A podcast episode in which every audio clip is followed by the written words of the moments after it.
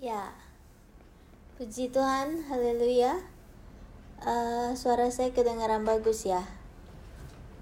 Oke, jadi hmm, Pak E kecilin suaranya feedback volume di sini. Terima kasih. Ya, uh, udah ibadah online di rumah masih aja bawel ya. Ya, uh, bukannya apa supaya kita bisa mendengar uh, firman Tuhan dengan lebih baik. Uh, Bapak Ibu Saudara sehat semua? Puji Tuhan, sehat. Sehat. Oke.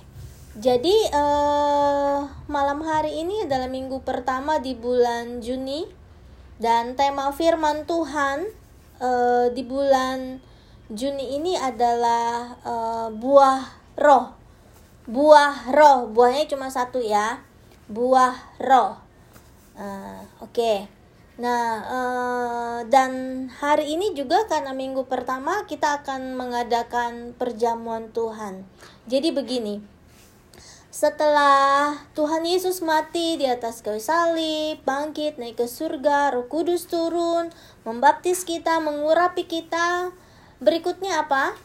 Uh, kita yang masih hidup selama di dunia ini secara rutin, secara berkala melakukan perjamuan kudus, mengingat pengorbanan Yesus di atas kayu salib. Nah, setelah kita tahu bahwa surga adalah jaminan buat kehidupan kita nantinya, uh, setelah kita tahu bahwa ada karunia Roh Kudus dalam kehidupan kita, maka firman Tuhan menginginkan langkah berikutnya, yaitu apa? Hidup kita berbuah Roh Kudus. Nah, sebelum uh, saya lanjutkan lebih jauh lagi, mungkin Bapak Ibu Saudara ingat di bulan Mei di minggu ketiga ya sebelum kita start lockdown, uh, saya menyampaikan firman Tuhan tentang karunia Roh Kudus. Jadi gini, Karunia Roh Kudus adalah sesuatu yang harus kita minta. Dan Roh Kudus akan mengaruniakannya berdasarkan kasih kemurahan kuasa Roh Kudus itu sendiri. Nah, karunia Roh Kudus berguna untuk pelayanan kita, membangun e, gereja, membangun kehidupan kita. Terus, bedanya dengan buah roh adalah apa? Satu karunia roh, dua buah roh Buah roh adalah hasil dari menguduskan diri yang dilakukan oleh Roh Kudus. Jadi, buah roh adalah sesuatu yang dihasilkan oleh karya Roh Kudus dalam kehidupan kita, supaya kita semakin menjadi serupa dengan Kristus. Bapak Ibu Saudara mengerti ya perbedaannya. Jadi, karunia Roh Kudus seperti yang bahasa roh, karunia kesembuhan dan sebagainya itu karunia menafsirkan bahasa roh itu diberikan oleh Roh Kudus untuk membantu uh, pelayanan gereja, untuk membantu membangun gereja, untuk membantu kehidupan kita. Nah, sementara buah roh adalah buah dari karya Roh Kudus yang menjadikan hidup kita menjadi serupa dengan Kristus. Ya, jadi uh, setelah kita menerima keselamatan, menerima karunia Roh Kudus, bisa berbahasa roh, bisa mengajar, bisa menyembuhkan orang, tapi hidup kita juga harus menghasilkan buah Roh Kudus yaitu menjadi serupa dengan Kristus. Sehingga nama Tuhan dimuliakan lewat kehidupan kita. Sampai sini Bapak Ibu Saudara mengerti ya? Jadi kalau saudara nanti ketemu pelayan Tuhan atau ketemu orang tua, ketemu bahkan pastor yang ngajarnya hebat banget, yang pegang orang langsung rebah, yang berbahasa roh gitu ya. Tapi kok kadang-kadang marah-marah ya. Kok kadang-kadang e, menyakiti ya perkataannya. Artinya, pelayan Tuhan itu, orang tua kita itu, pastor kita itu punya karunia Roh Kudus, tetapi masih harus berjuang untuk menghasilkan buah Roh Kudus supaya hidupnya bisa seperti Kristus. Nah, itu kalau itu terjadi di tempat kerja kita, di gereja kita, di keluarga kita, doakan terus supaya uh, kuasa Roh Kudus terus bekerja untuk menghasilkan buah bagi uh, orang tua kita, bagi pelayan-pelayan di gereja, bagi pastor, gembala kita, supaya kehidupannya bukan hanya dipenuhi dengan karunia Roh Kudus, tapi juga menghasilkan buah Roh Kudus yang sesuai dengan firman Tuhan. Amin. Firman Tuhan sampai di sini. enggak, enggak bercanda Bapak Ibu Saudara. kita buka Alkitab kita yang semalam Bapak sudah baca Galatia 5 ayat 22 sampai 23. Kita akan baca firman Tuhan ini terus sampai bulan akhir di Juni ini sampai akhir bulan Juni ini ya. Maaf ngomongnya belibet.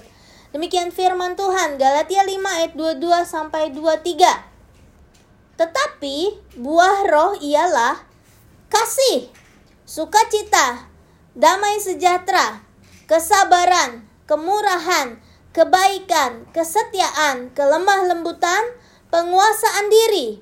Tidak ada hukum yang menentang hal-hal itu. Ya, boleh ditutup firman Tuhannya. Kita lihat uh, gambar yang semalam Bapak tayangkan juga. Ciling. Oke. Nah, buah roh ada sembilan. Kasih, sukacita, damai sejahtera, kesabaran, kemurahan, kebaikan, kesetiaan, kelemah lembutan, penguasaan diri. Kasih adalah yang tertinggi, penguasaan diri adalah anak tangga pertama untuk terus naik step demi step sampai kepada kasih.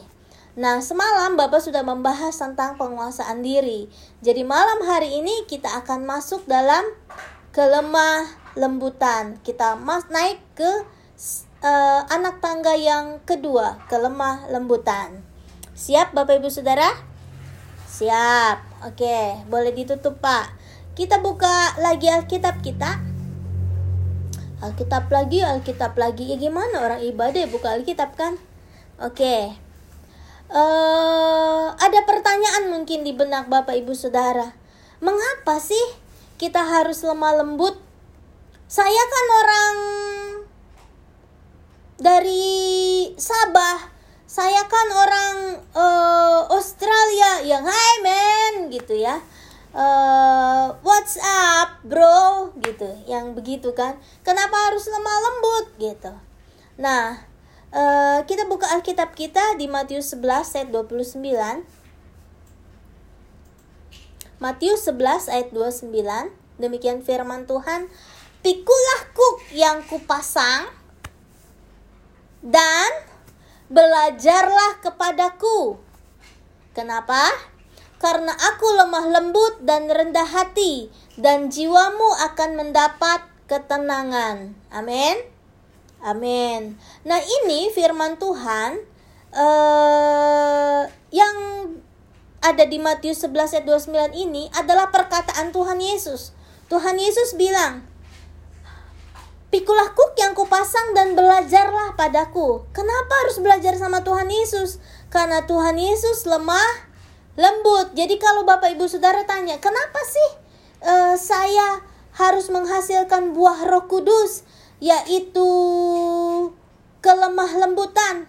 Karena Tuhan Yesus lemah, lemah lembut. Bu, Tuhan Yesus pernah marah-marah kok, ter uh, menunggang balikan uh, meja di depan bait Allah Iya. Yesus marahnya cuma beberapa kali aja, sisanya pengajaran dia lemah lembut. Lemah lembut ini bukan berarti uh, ngomongnya pelan-pelan. Ya, Ibu, Saudara, lemah lembut uh, itu dari uh, mulut kita itu sesuatu yang mudah. Kita ketemu orang yang lebih tinggi jabatannya dari kita, kita akan jadi lembut. Kita ketemu dengan bos kita, kita akan jadi lembut kita ketemu orang yang kita hormati, kita akan jadi lembut. Kita ketemu, berjumpa dengan orang yang lebih kaya dari kita, otomatis kita akan jadi lembut dan merendahkan diri. Tetapi bukan itu yang Tuhan mau. Yang Tuhan mau adalah kerendahan hati yang uh, dibawa dalam kehidupan sehari-hari bukan berarti orang yang bicaranya lembut itu pasti uh, lemah lembut. Banyak orang yang bilang, "Iya. Iya." Tapi di dalam hati bilang, "Huh, kurang ajar." Awas nanti. Nah, itu nggak lemah lembut. Di depannya kita bilang, "Iya, iya." Tapi di dalam hati, "Huh, awas nanti." Nah, itu bukan lemah lembut. Yang Tuhan maksud lemah lembut adalah kondisi hati kita yang lemah lembut. Kita harus belajar dari Yesus supaya jadi lemah lembut. Karena kalau marah itu capek loh saudara. Habis marah tuh capek. Saya kalau habis marah sama bapak capek. Dan nggak tenang kan Alkitab tadi bilang lembah lembut belajar padaku karena aku lemah lembut dan rendah hati dan jiwamu akan mendapat ketenangan kenapa kalau orang habis marah kan capek terus uh, itu nggak tenang huh, habis marah nih sama bapak. Terus dia tanpa rasa bersalah dia tidur di sebelah saya. Saya bilang huh, huh, saya nggak tenang. Orang aku habis marah dia udah tidur di sebelahku gitu ya. Nah itu saudara. Tuhan mengajarkan kelembutan. Kelembutan ini adalah sikap hati yang akan keluar dari e, perilaku kita kemudian.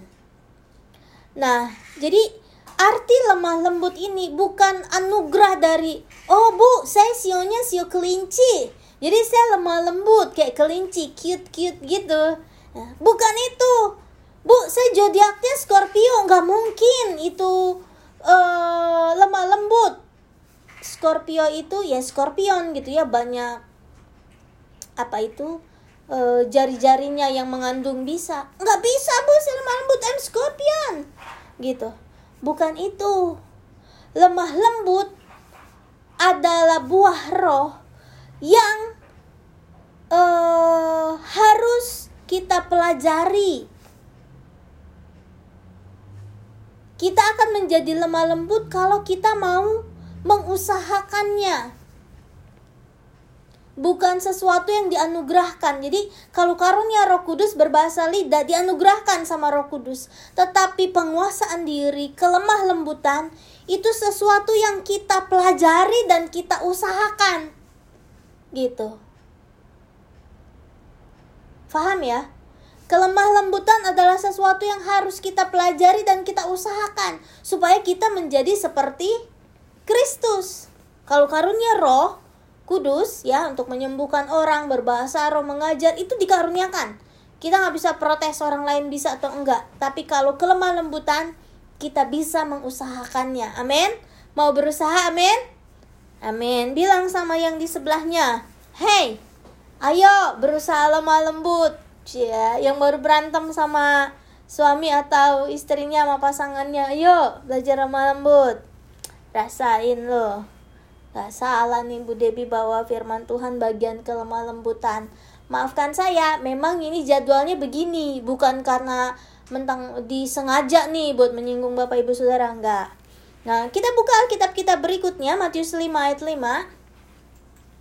Matius 5 ayat 5, ini ucapan Yesus di atas bukit. Berbahagialah orang yang lemah lembut, jadi kalau kita nggak lemah lembut, kita nggak bahagia. Capek deh. Jadi kalau kita mau bahagia harus lemah lembut. Kenapa harus lemah lembut? Karena mereka lah yang akan memiliki bumi. Wes keren banget. Dengan lemah lembut akan memiliki bumi. Gambarnya lucu banget sih. Anak perempuan kecil pakai peluk dunia. Oh, orang yang lemah lembut akan memiliki bumi. Artinya apa? Bu, ya oke okay, Pak, sentrong muka saya lebih gede lagi. Oke. Okay. Artinya gini, kalau kita lemah lembut, kita akan menguasai dunia. Wis, keren banget. Kita akan memiliki bumi kalau memiliki bumi artinya kan gini loh. Kalau uh, gelas ini adalah milik saya, berarti terserah saya dong. Mau saya mau pegang, mau saya isi kopi, saya mau isi teh, saya mau isi bubble tea, mau saya buang ini gelasnya terserah saya kan? Ini namanya saya memiliki dan saya menguasai gelas ini. Mau saya isi apa pun, saya mau pergunakan untuk apa pun, terserah saya karena ini milik saya, ini sudah saya kuasai. Bapak Ibu Saudara mengerti ya sampai sini ya. Jadi uh, lebih dalam lagi kalau kita artinya kita menguasai dunia, artinya gini. Dunia adalah i iblis. Dunia adalah kuasa yang ada di dunia ini, kegelapan. Kalau kita menguasai iblis, menguasai dunia artinya kita menguasai iblis, bukan kita yang dikuasai iblis. Jadi gini, Bapak Ibu Saudara. Kalau iblis bilang, "Udah marah aja." Gak bisa. Iblis engkau ada di tanganku. Aku mau berbuah. Roh kudus yaitu kelemah lembutan. Uh, aku ikat engkau, aku hancurkan engkau dalam nama Yesus.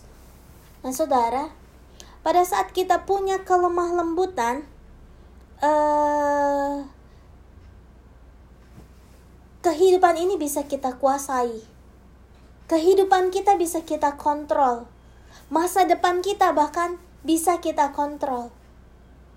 Saya kasih contoh begini. Saudara, waktu kecil saya itu paling bandel di antara empat bersaudara ya Bu Dede tuh anak kedua saya anak terakhir. Nah saya senang sekali uh, bangun tidur siang. Maka uh, mama saya ibu saya biasanya marah. Dia bilang modok terus tidur terus kayak kerbau. Nah, saudara ketika dia bilang begitu makin siang saya bangun. Kenapa? Karena ketika saya dimarahi dengan keras saya merasa Oke, okay, saya kerbau. Saya akan buktikan bahwa saya betul-betul kerbau. Maka saya bangun sampai jam 11 siang. Gitu. Terus bapak saya waktu saya kecil ya, waktu saya umur uh, eh, 12 apa 13 tahun gitu ya. Saya merokok Astaga Tuhan Yesus. 12-13 tahun udah merokok. Rokok papa saya saya ambilin dulu ya waktu kecil. Papa saya berhenti merokok saya terusin Saya lanjutin gitu ya. Jangan ditiru ya. Nah uh, Waktu itu papa saya bilang Debbie Satu kali lagi papa lihat kamu ngerokok. Papa cium bau rokok di rumah ini. Papa gantung kamu. Terus saya bilang oke okay.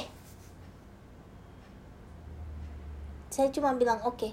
tapi ketika papa saya pergi ke gereja buat pelayanan papa saya udah berhenti ngerokok ketika saya mulai merokok udah bertobat udah jadi pelayan Tuhan saya lanjutin saudara ya papa saya pergi pelayanan ke gereja saya merokok lagi di toilet kamar uh, rumah sampai mungkin mereka stres ya punya anak bungsu uh, perempuan umurnya baru 13 tahun. Oh Tuhan Yesus tolong. Sampai suatu saat saking mereka tidak tahu lagi harus berbuat apa saya tidur malam mama saya hampiri saya dan bilang ibu saya hampiri saya dan bilang masuk ke bilik masuk ke kamar dan bilang Debbie kalau Debbie sayang sama mama berhenti ya karena kamu baru 13 tahun kamu anak perempuan. Tuhan Yesus sayang sama kamu. Ketika mama saya bilang begitu, terus dia nangis, dia usap kepala saya, terus dia keluar kamar. Saya tahu dia nangis, karena dia udah nggak tahu harus berbuat apa karena seantero rumah saya udah bawa rokok saudara jadi bukan yang ngerokok sembunyi-sembunyi di pinggir jalan atau di ujung jalan di kedai mana enggak. Udah udah di rumah. Udah ya seperti itu gitu. Ketika ibu saya bilang dengan lembut di situlah hati saya tersentuh. Di usia 14 tahun saya berhenti merokok menyerahkan diri untuk dibaptis dan mulai mengajar sekolah minggu. Jadi saudara bandingkan, ketika ibu saya marah, ketika bapak saya marah dan teriak, akan saya gantung kamu ya, gitu ya. Tidak mengubah. Tetapi kelemah lembutan menguasai hati seorang anak. kelemah lembutan. Makanya Alkitab bilang, kalau engkau lemah lembut, engkau akan memiliki bumi, memiliki hati anakmu, memiliki hati suamimu, memiliki hati uh, pasturmu, memiliki hati bosmu dengan kelemah lembutan. Nah, Bapak Ibu Saudara, uh, kelemah lembutan diambil dari kata Yunani praotes. Ini artinya yang pertama ada dua maknanya, kurang lebih ya. Uh, artinya adalah tunduk pada kehendak Allah. Kelemah lembutan artinya tunduk kepada kehendak Allah. Ini apa sih artinya? Ya, seperti gereja tunduk kepada uh, Kristus, seperti suami harus tunduk kepada Kristus, seperti istri harus tunduk kepada Kristus dan suami, seperti anak harus tunduk kepada orang tua dan Allah. Ya seperti itu. Apa artinya?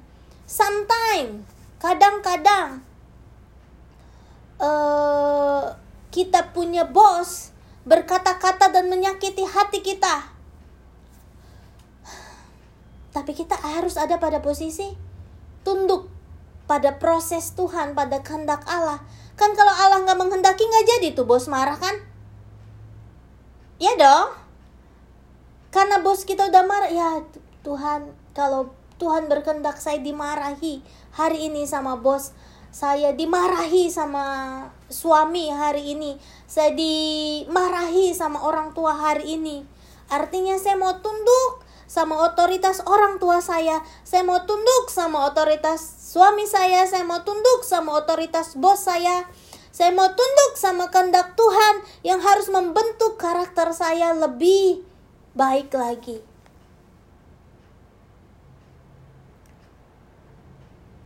Kenapa ini jadi bagian dari kelemah lembutan? Karena kalau enggak, kita akan bilang, "Oke, okay, kamu bos, kamu marah-marah saya, saya keluar sekarang, saya resign sekarang." Kan kita bisa lakukan itu.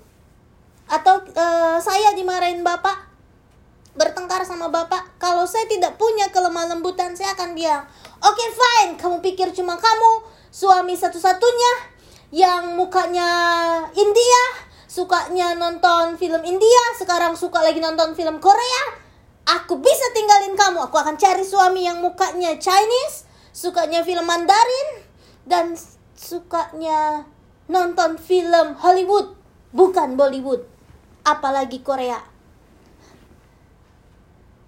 Saya bisa bilang begitu dan saya pergi. Bungkus baju saya bawa pergi. Ayo Ken kita tinggalkan Dedi. Kan bisa begitu. Kenapa? Tidak ada kelemah lembutan. Anak bisa bilang sama orang tuanya sorry ya mami Dedi kamu terlalu strict. Tunggu sampai saya 18 saya akan pergi dari rumah. Atau ingat nggak saudara lagi kecil saya pernah pergi bawa-bawa baju sampai ke depan jalan kampung nggak dicari lagi sama mama saya. Ya saya pulang lah. Lapar. Gitu. Tidak ada kelemah lembutan. Jadi kalau kita sedang ada dalam tekanan diperlakukan tidak adil difitnah dan sebagainya kita akan menerima itu. Kalau kita ada kelemah lembutan. Karena kalau kita mengalami itu kita mengalami penghinaan, mengalami fitnah, mengalami tekanan, mengalami masalah dan kita bilang, "Oh Tuhan, Engkau izinkan ini terjadi." Aku mau dibentuk. Itu namanya tunduk pada kehendak Allah, bukannya melawan bos kita, bukannya melawan orang tua kita, melawan uh, suami kita, melawan semua yang memproses hidup kita. Gak gitu. Itu namanya kelemah lembutan. Yang kedua, Arti dari protes ini adalah mau diajar. Mau diajar artinya tidak tidak sombong. Karena kalau kita uh, mau diajar pasti nggak sombong. Kalau ada orang yang sharing atau konseling sama saya, saya biasanya dengerin. Setelah saya denger saya bilang, mau dikasih saran, atau cuma mau cerita-cerita aja dan saya manggut-manggut. Kenapa? Karena banyak yang begini yang bilang sama saya ibu nggak usah ngajarin aku deh. Ibu nggak ngerti masalahku gitu kan. Coba kalau ibu jadi saya. Ya nggak mau lah. Ya. Kita biasanya ada pada posisi begitu kamu nggak ngerti apa yang aku rasa. Huh gitu kan tapi kalau kita ada pada posisi yang mau diajar nah kamu salahnya di sini. Next time jangan buat ini. Nah harusnya tadi kamu begini. Nah itu kelemah lembutan. Oh iya saya salah. Untuk mengakui oh iya salah. Oh iya Harusnya saya nggak begitu. Kelemah lembutan adalah sikap tunduk pada kehendak Allah dan mau di mau diajar, menerima pengajaran. Banyak saudara, mungkin ada di antara bapak ibu saudara yang ada di rumah. Ibu ngajarin kelemah lembutan, coba ibu punya suami seperti suami saya. Coba ibu punya orang tua seperti orang tua saya. Hehehe. I been there before. Sama, saya juga mengalami hal-hal seperti itu. Tetapi kelemah lembutan adalah sesuatu yang harus kita usahakan. Adalah sesuatu yang harus kita pelajari supaya apa? Supaya kita bisa menjadi seperti Kris Kristus. Karena ini buah roh roh yang mengusahakannya di dalam kehidupan kita. Kita yang harus juga mengupayakannya terjadi dalam kehidupan kita, bukan karunia, bukan hadiah. Sesuatu yang harus diusahakan. Jadi ini merupakan sikap hati kita di hadapan Tuhan, tingkah laku kita di hadapan Tuhan. Bapak Ibu Saudara sampai sini paham? Paham ya? Uh, ada lagi satu maknanya yang uh, dari bahasa Yunani itu dibilang praus. Praus. Tadi kan praotes ya. Ini praus. Yang maknanya adalah kelemah lembutan dalam roh. Rohnya lemah lembut jadi jiwanya memberontak. Tapi ada Roh Kudus yang sudah memenuhi kita dan kita menjadi lemah lembut di dalam roh. Jadi uh, akan membentuk karakter kita seperti kuda jantan yang kuat gitu. Tapi jinak dan taat pada tali kekang.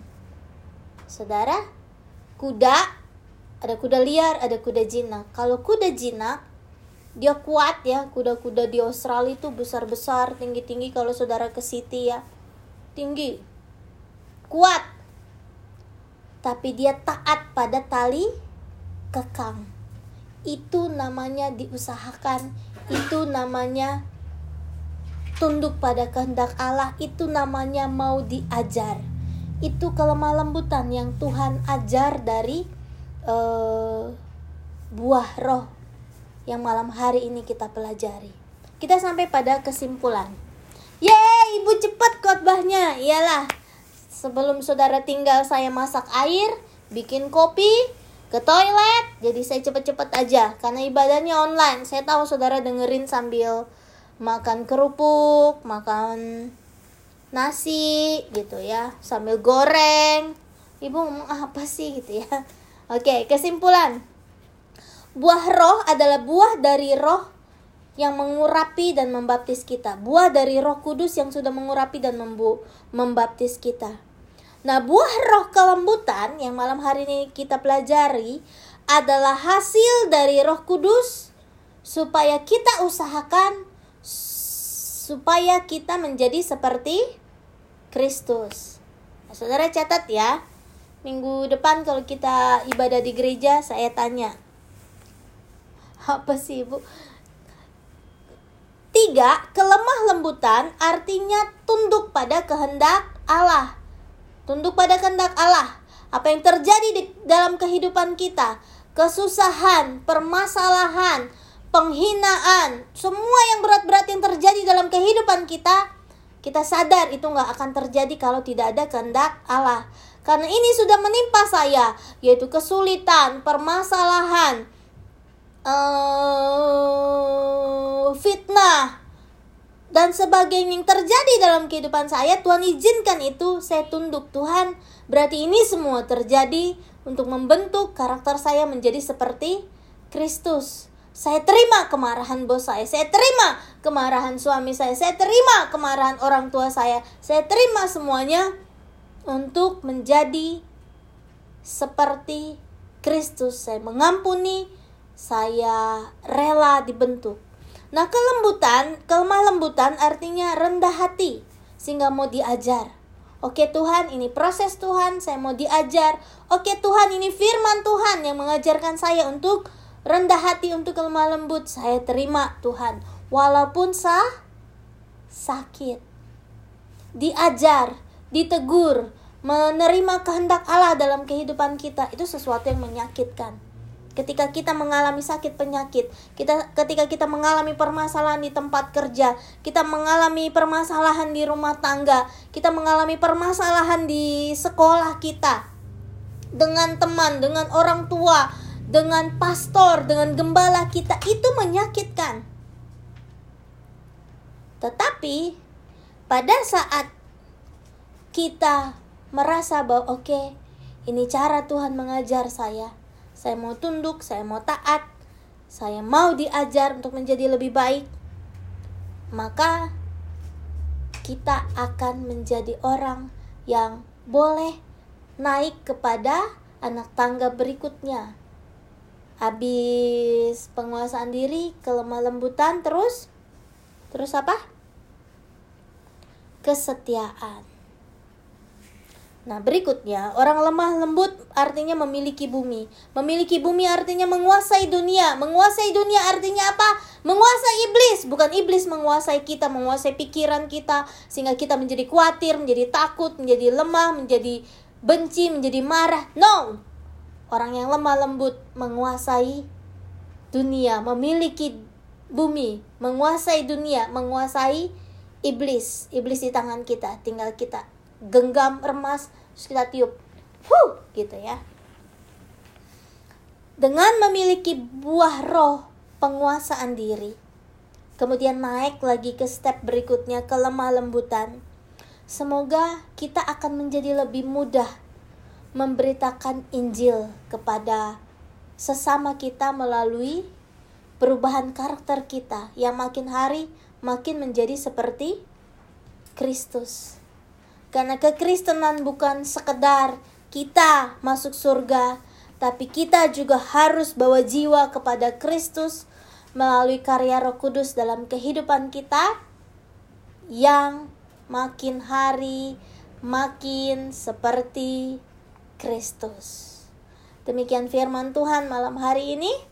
Uh, kita akan melakukan uh, perjamuan kudus Sebelum kita masuk ke perjamuan kudus, kita berdoa dulu.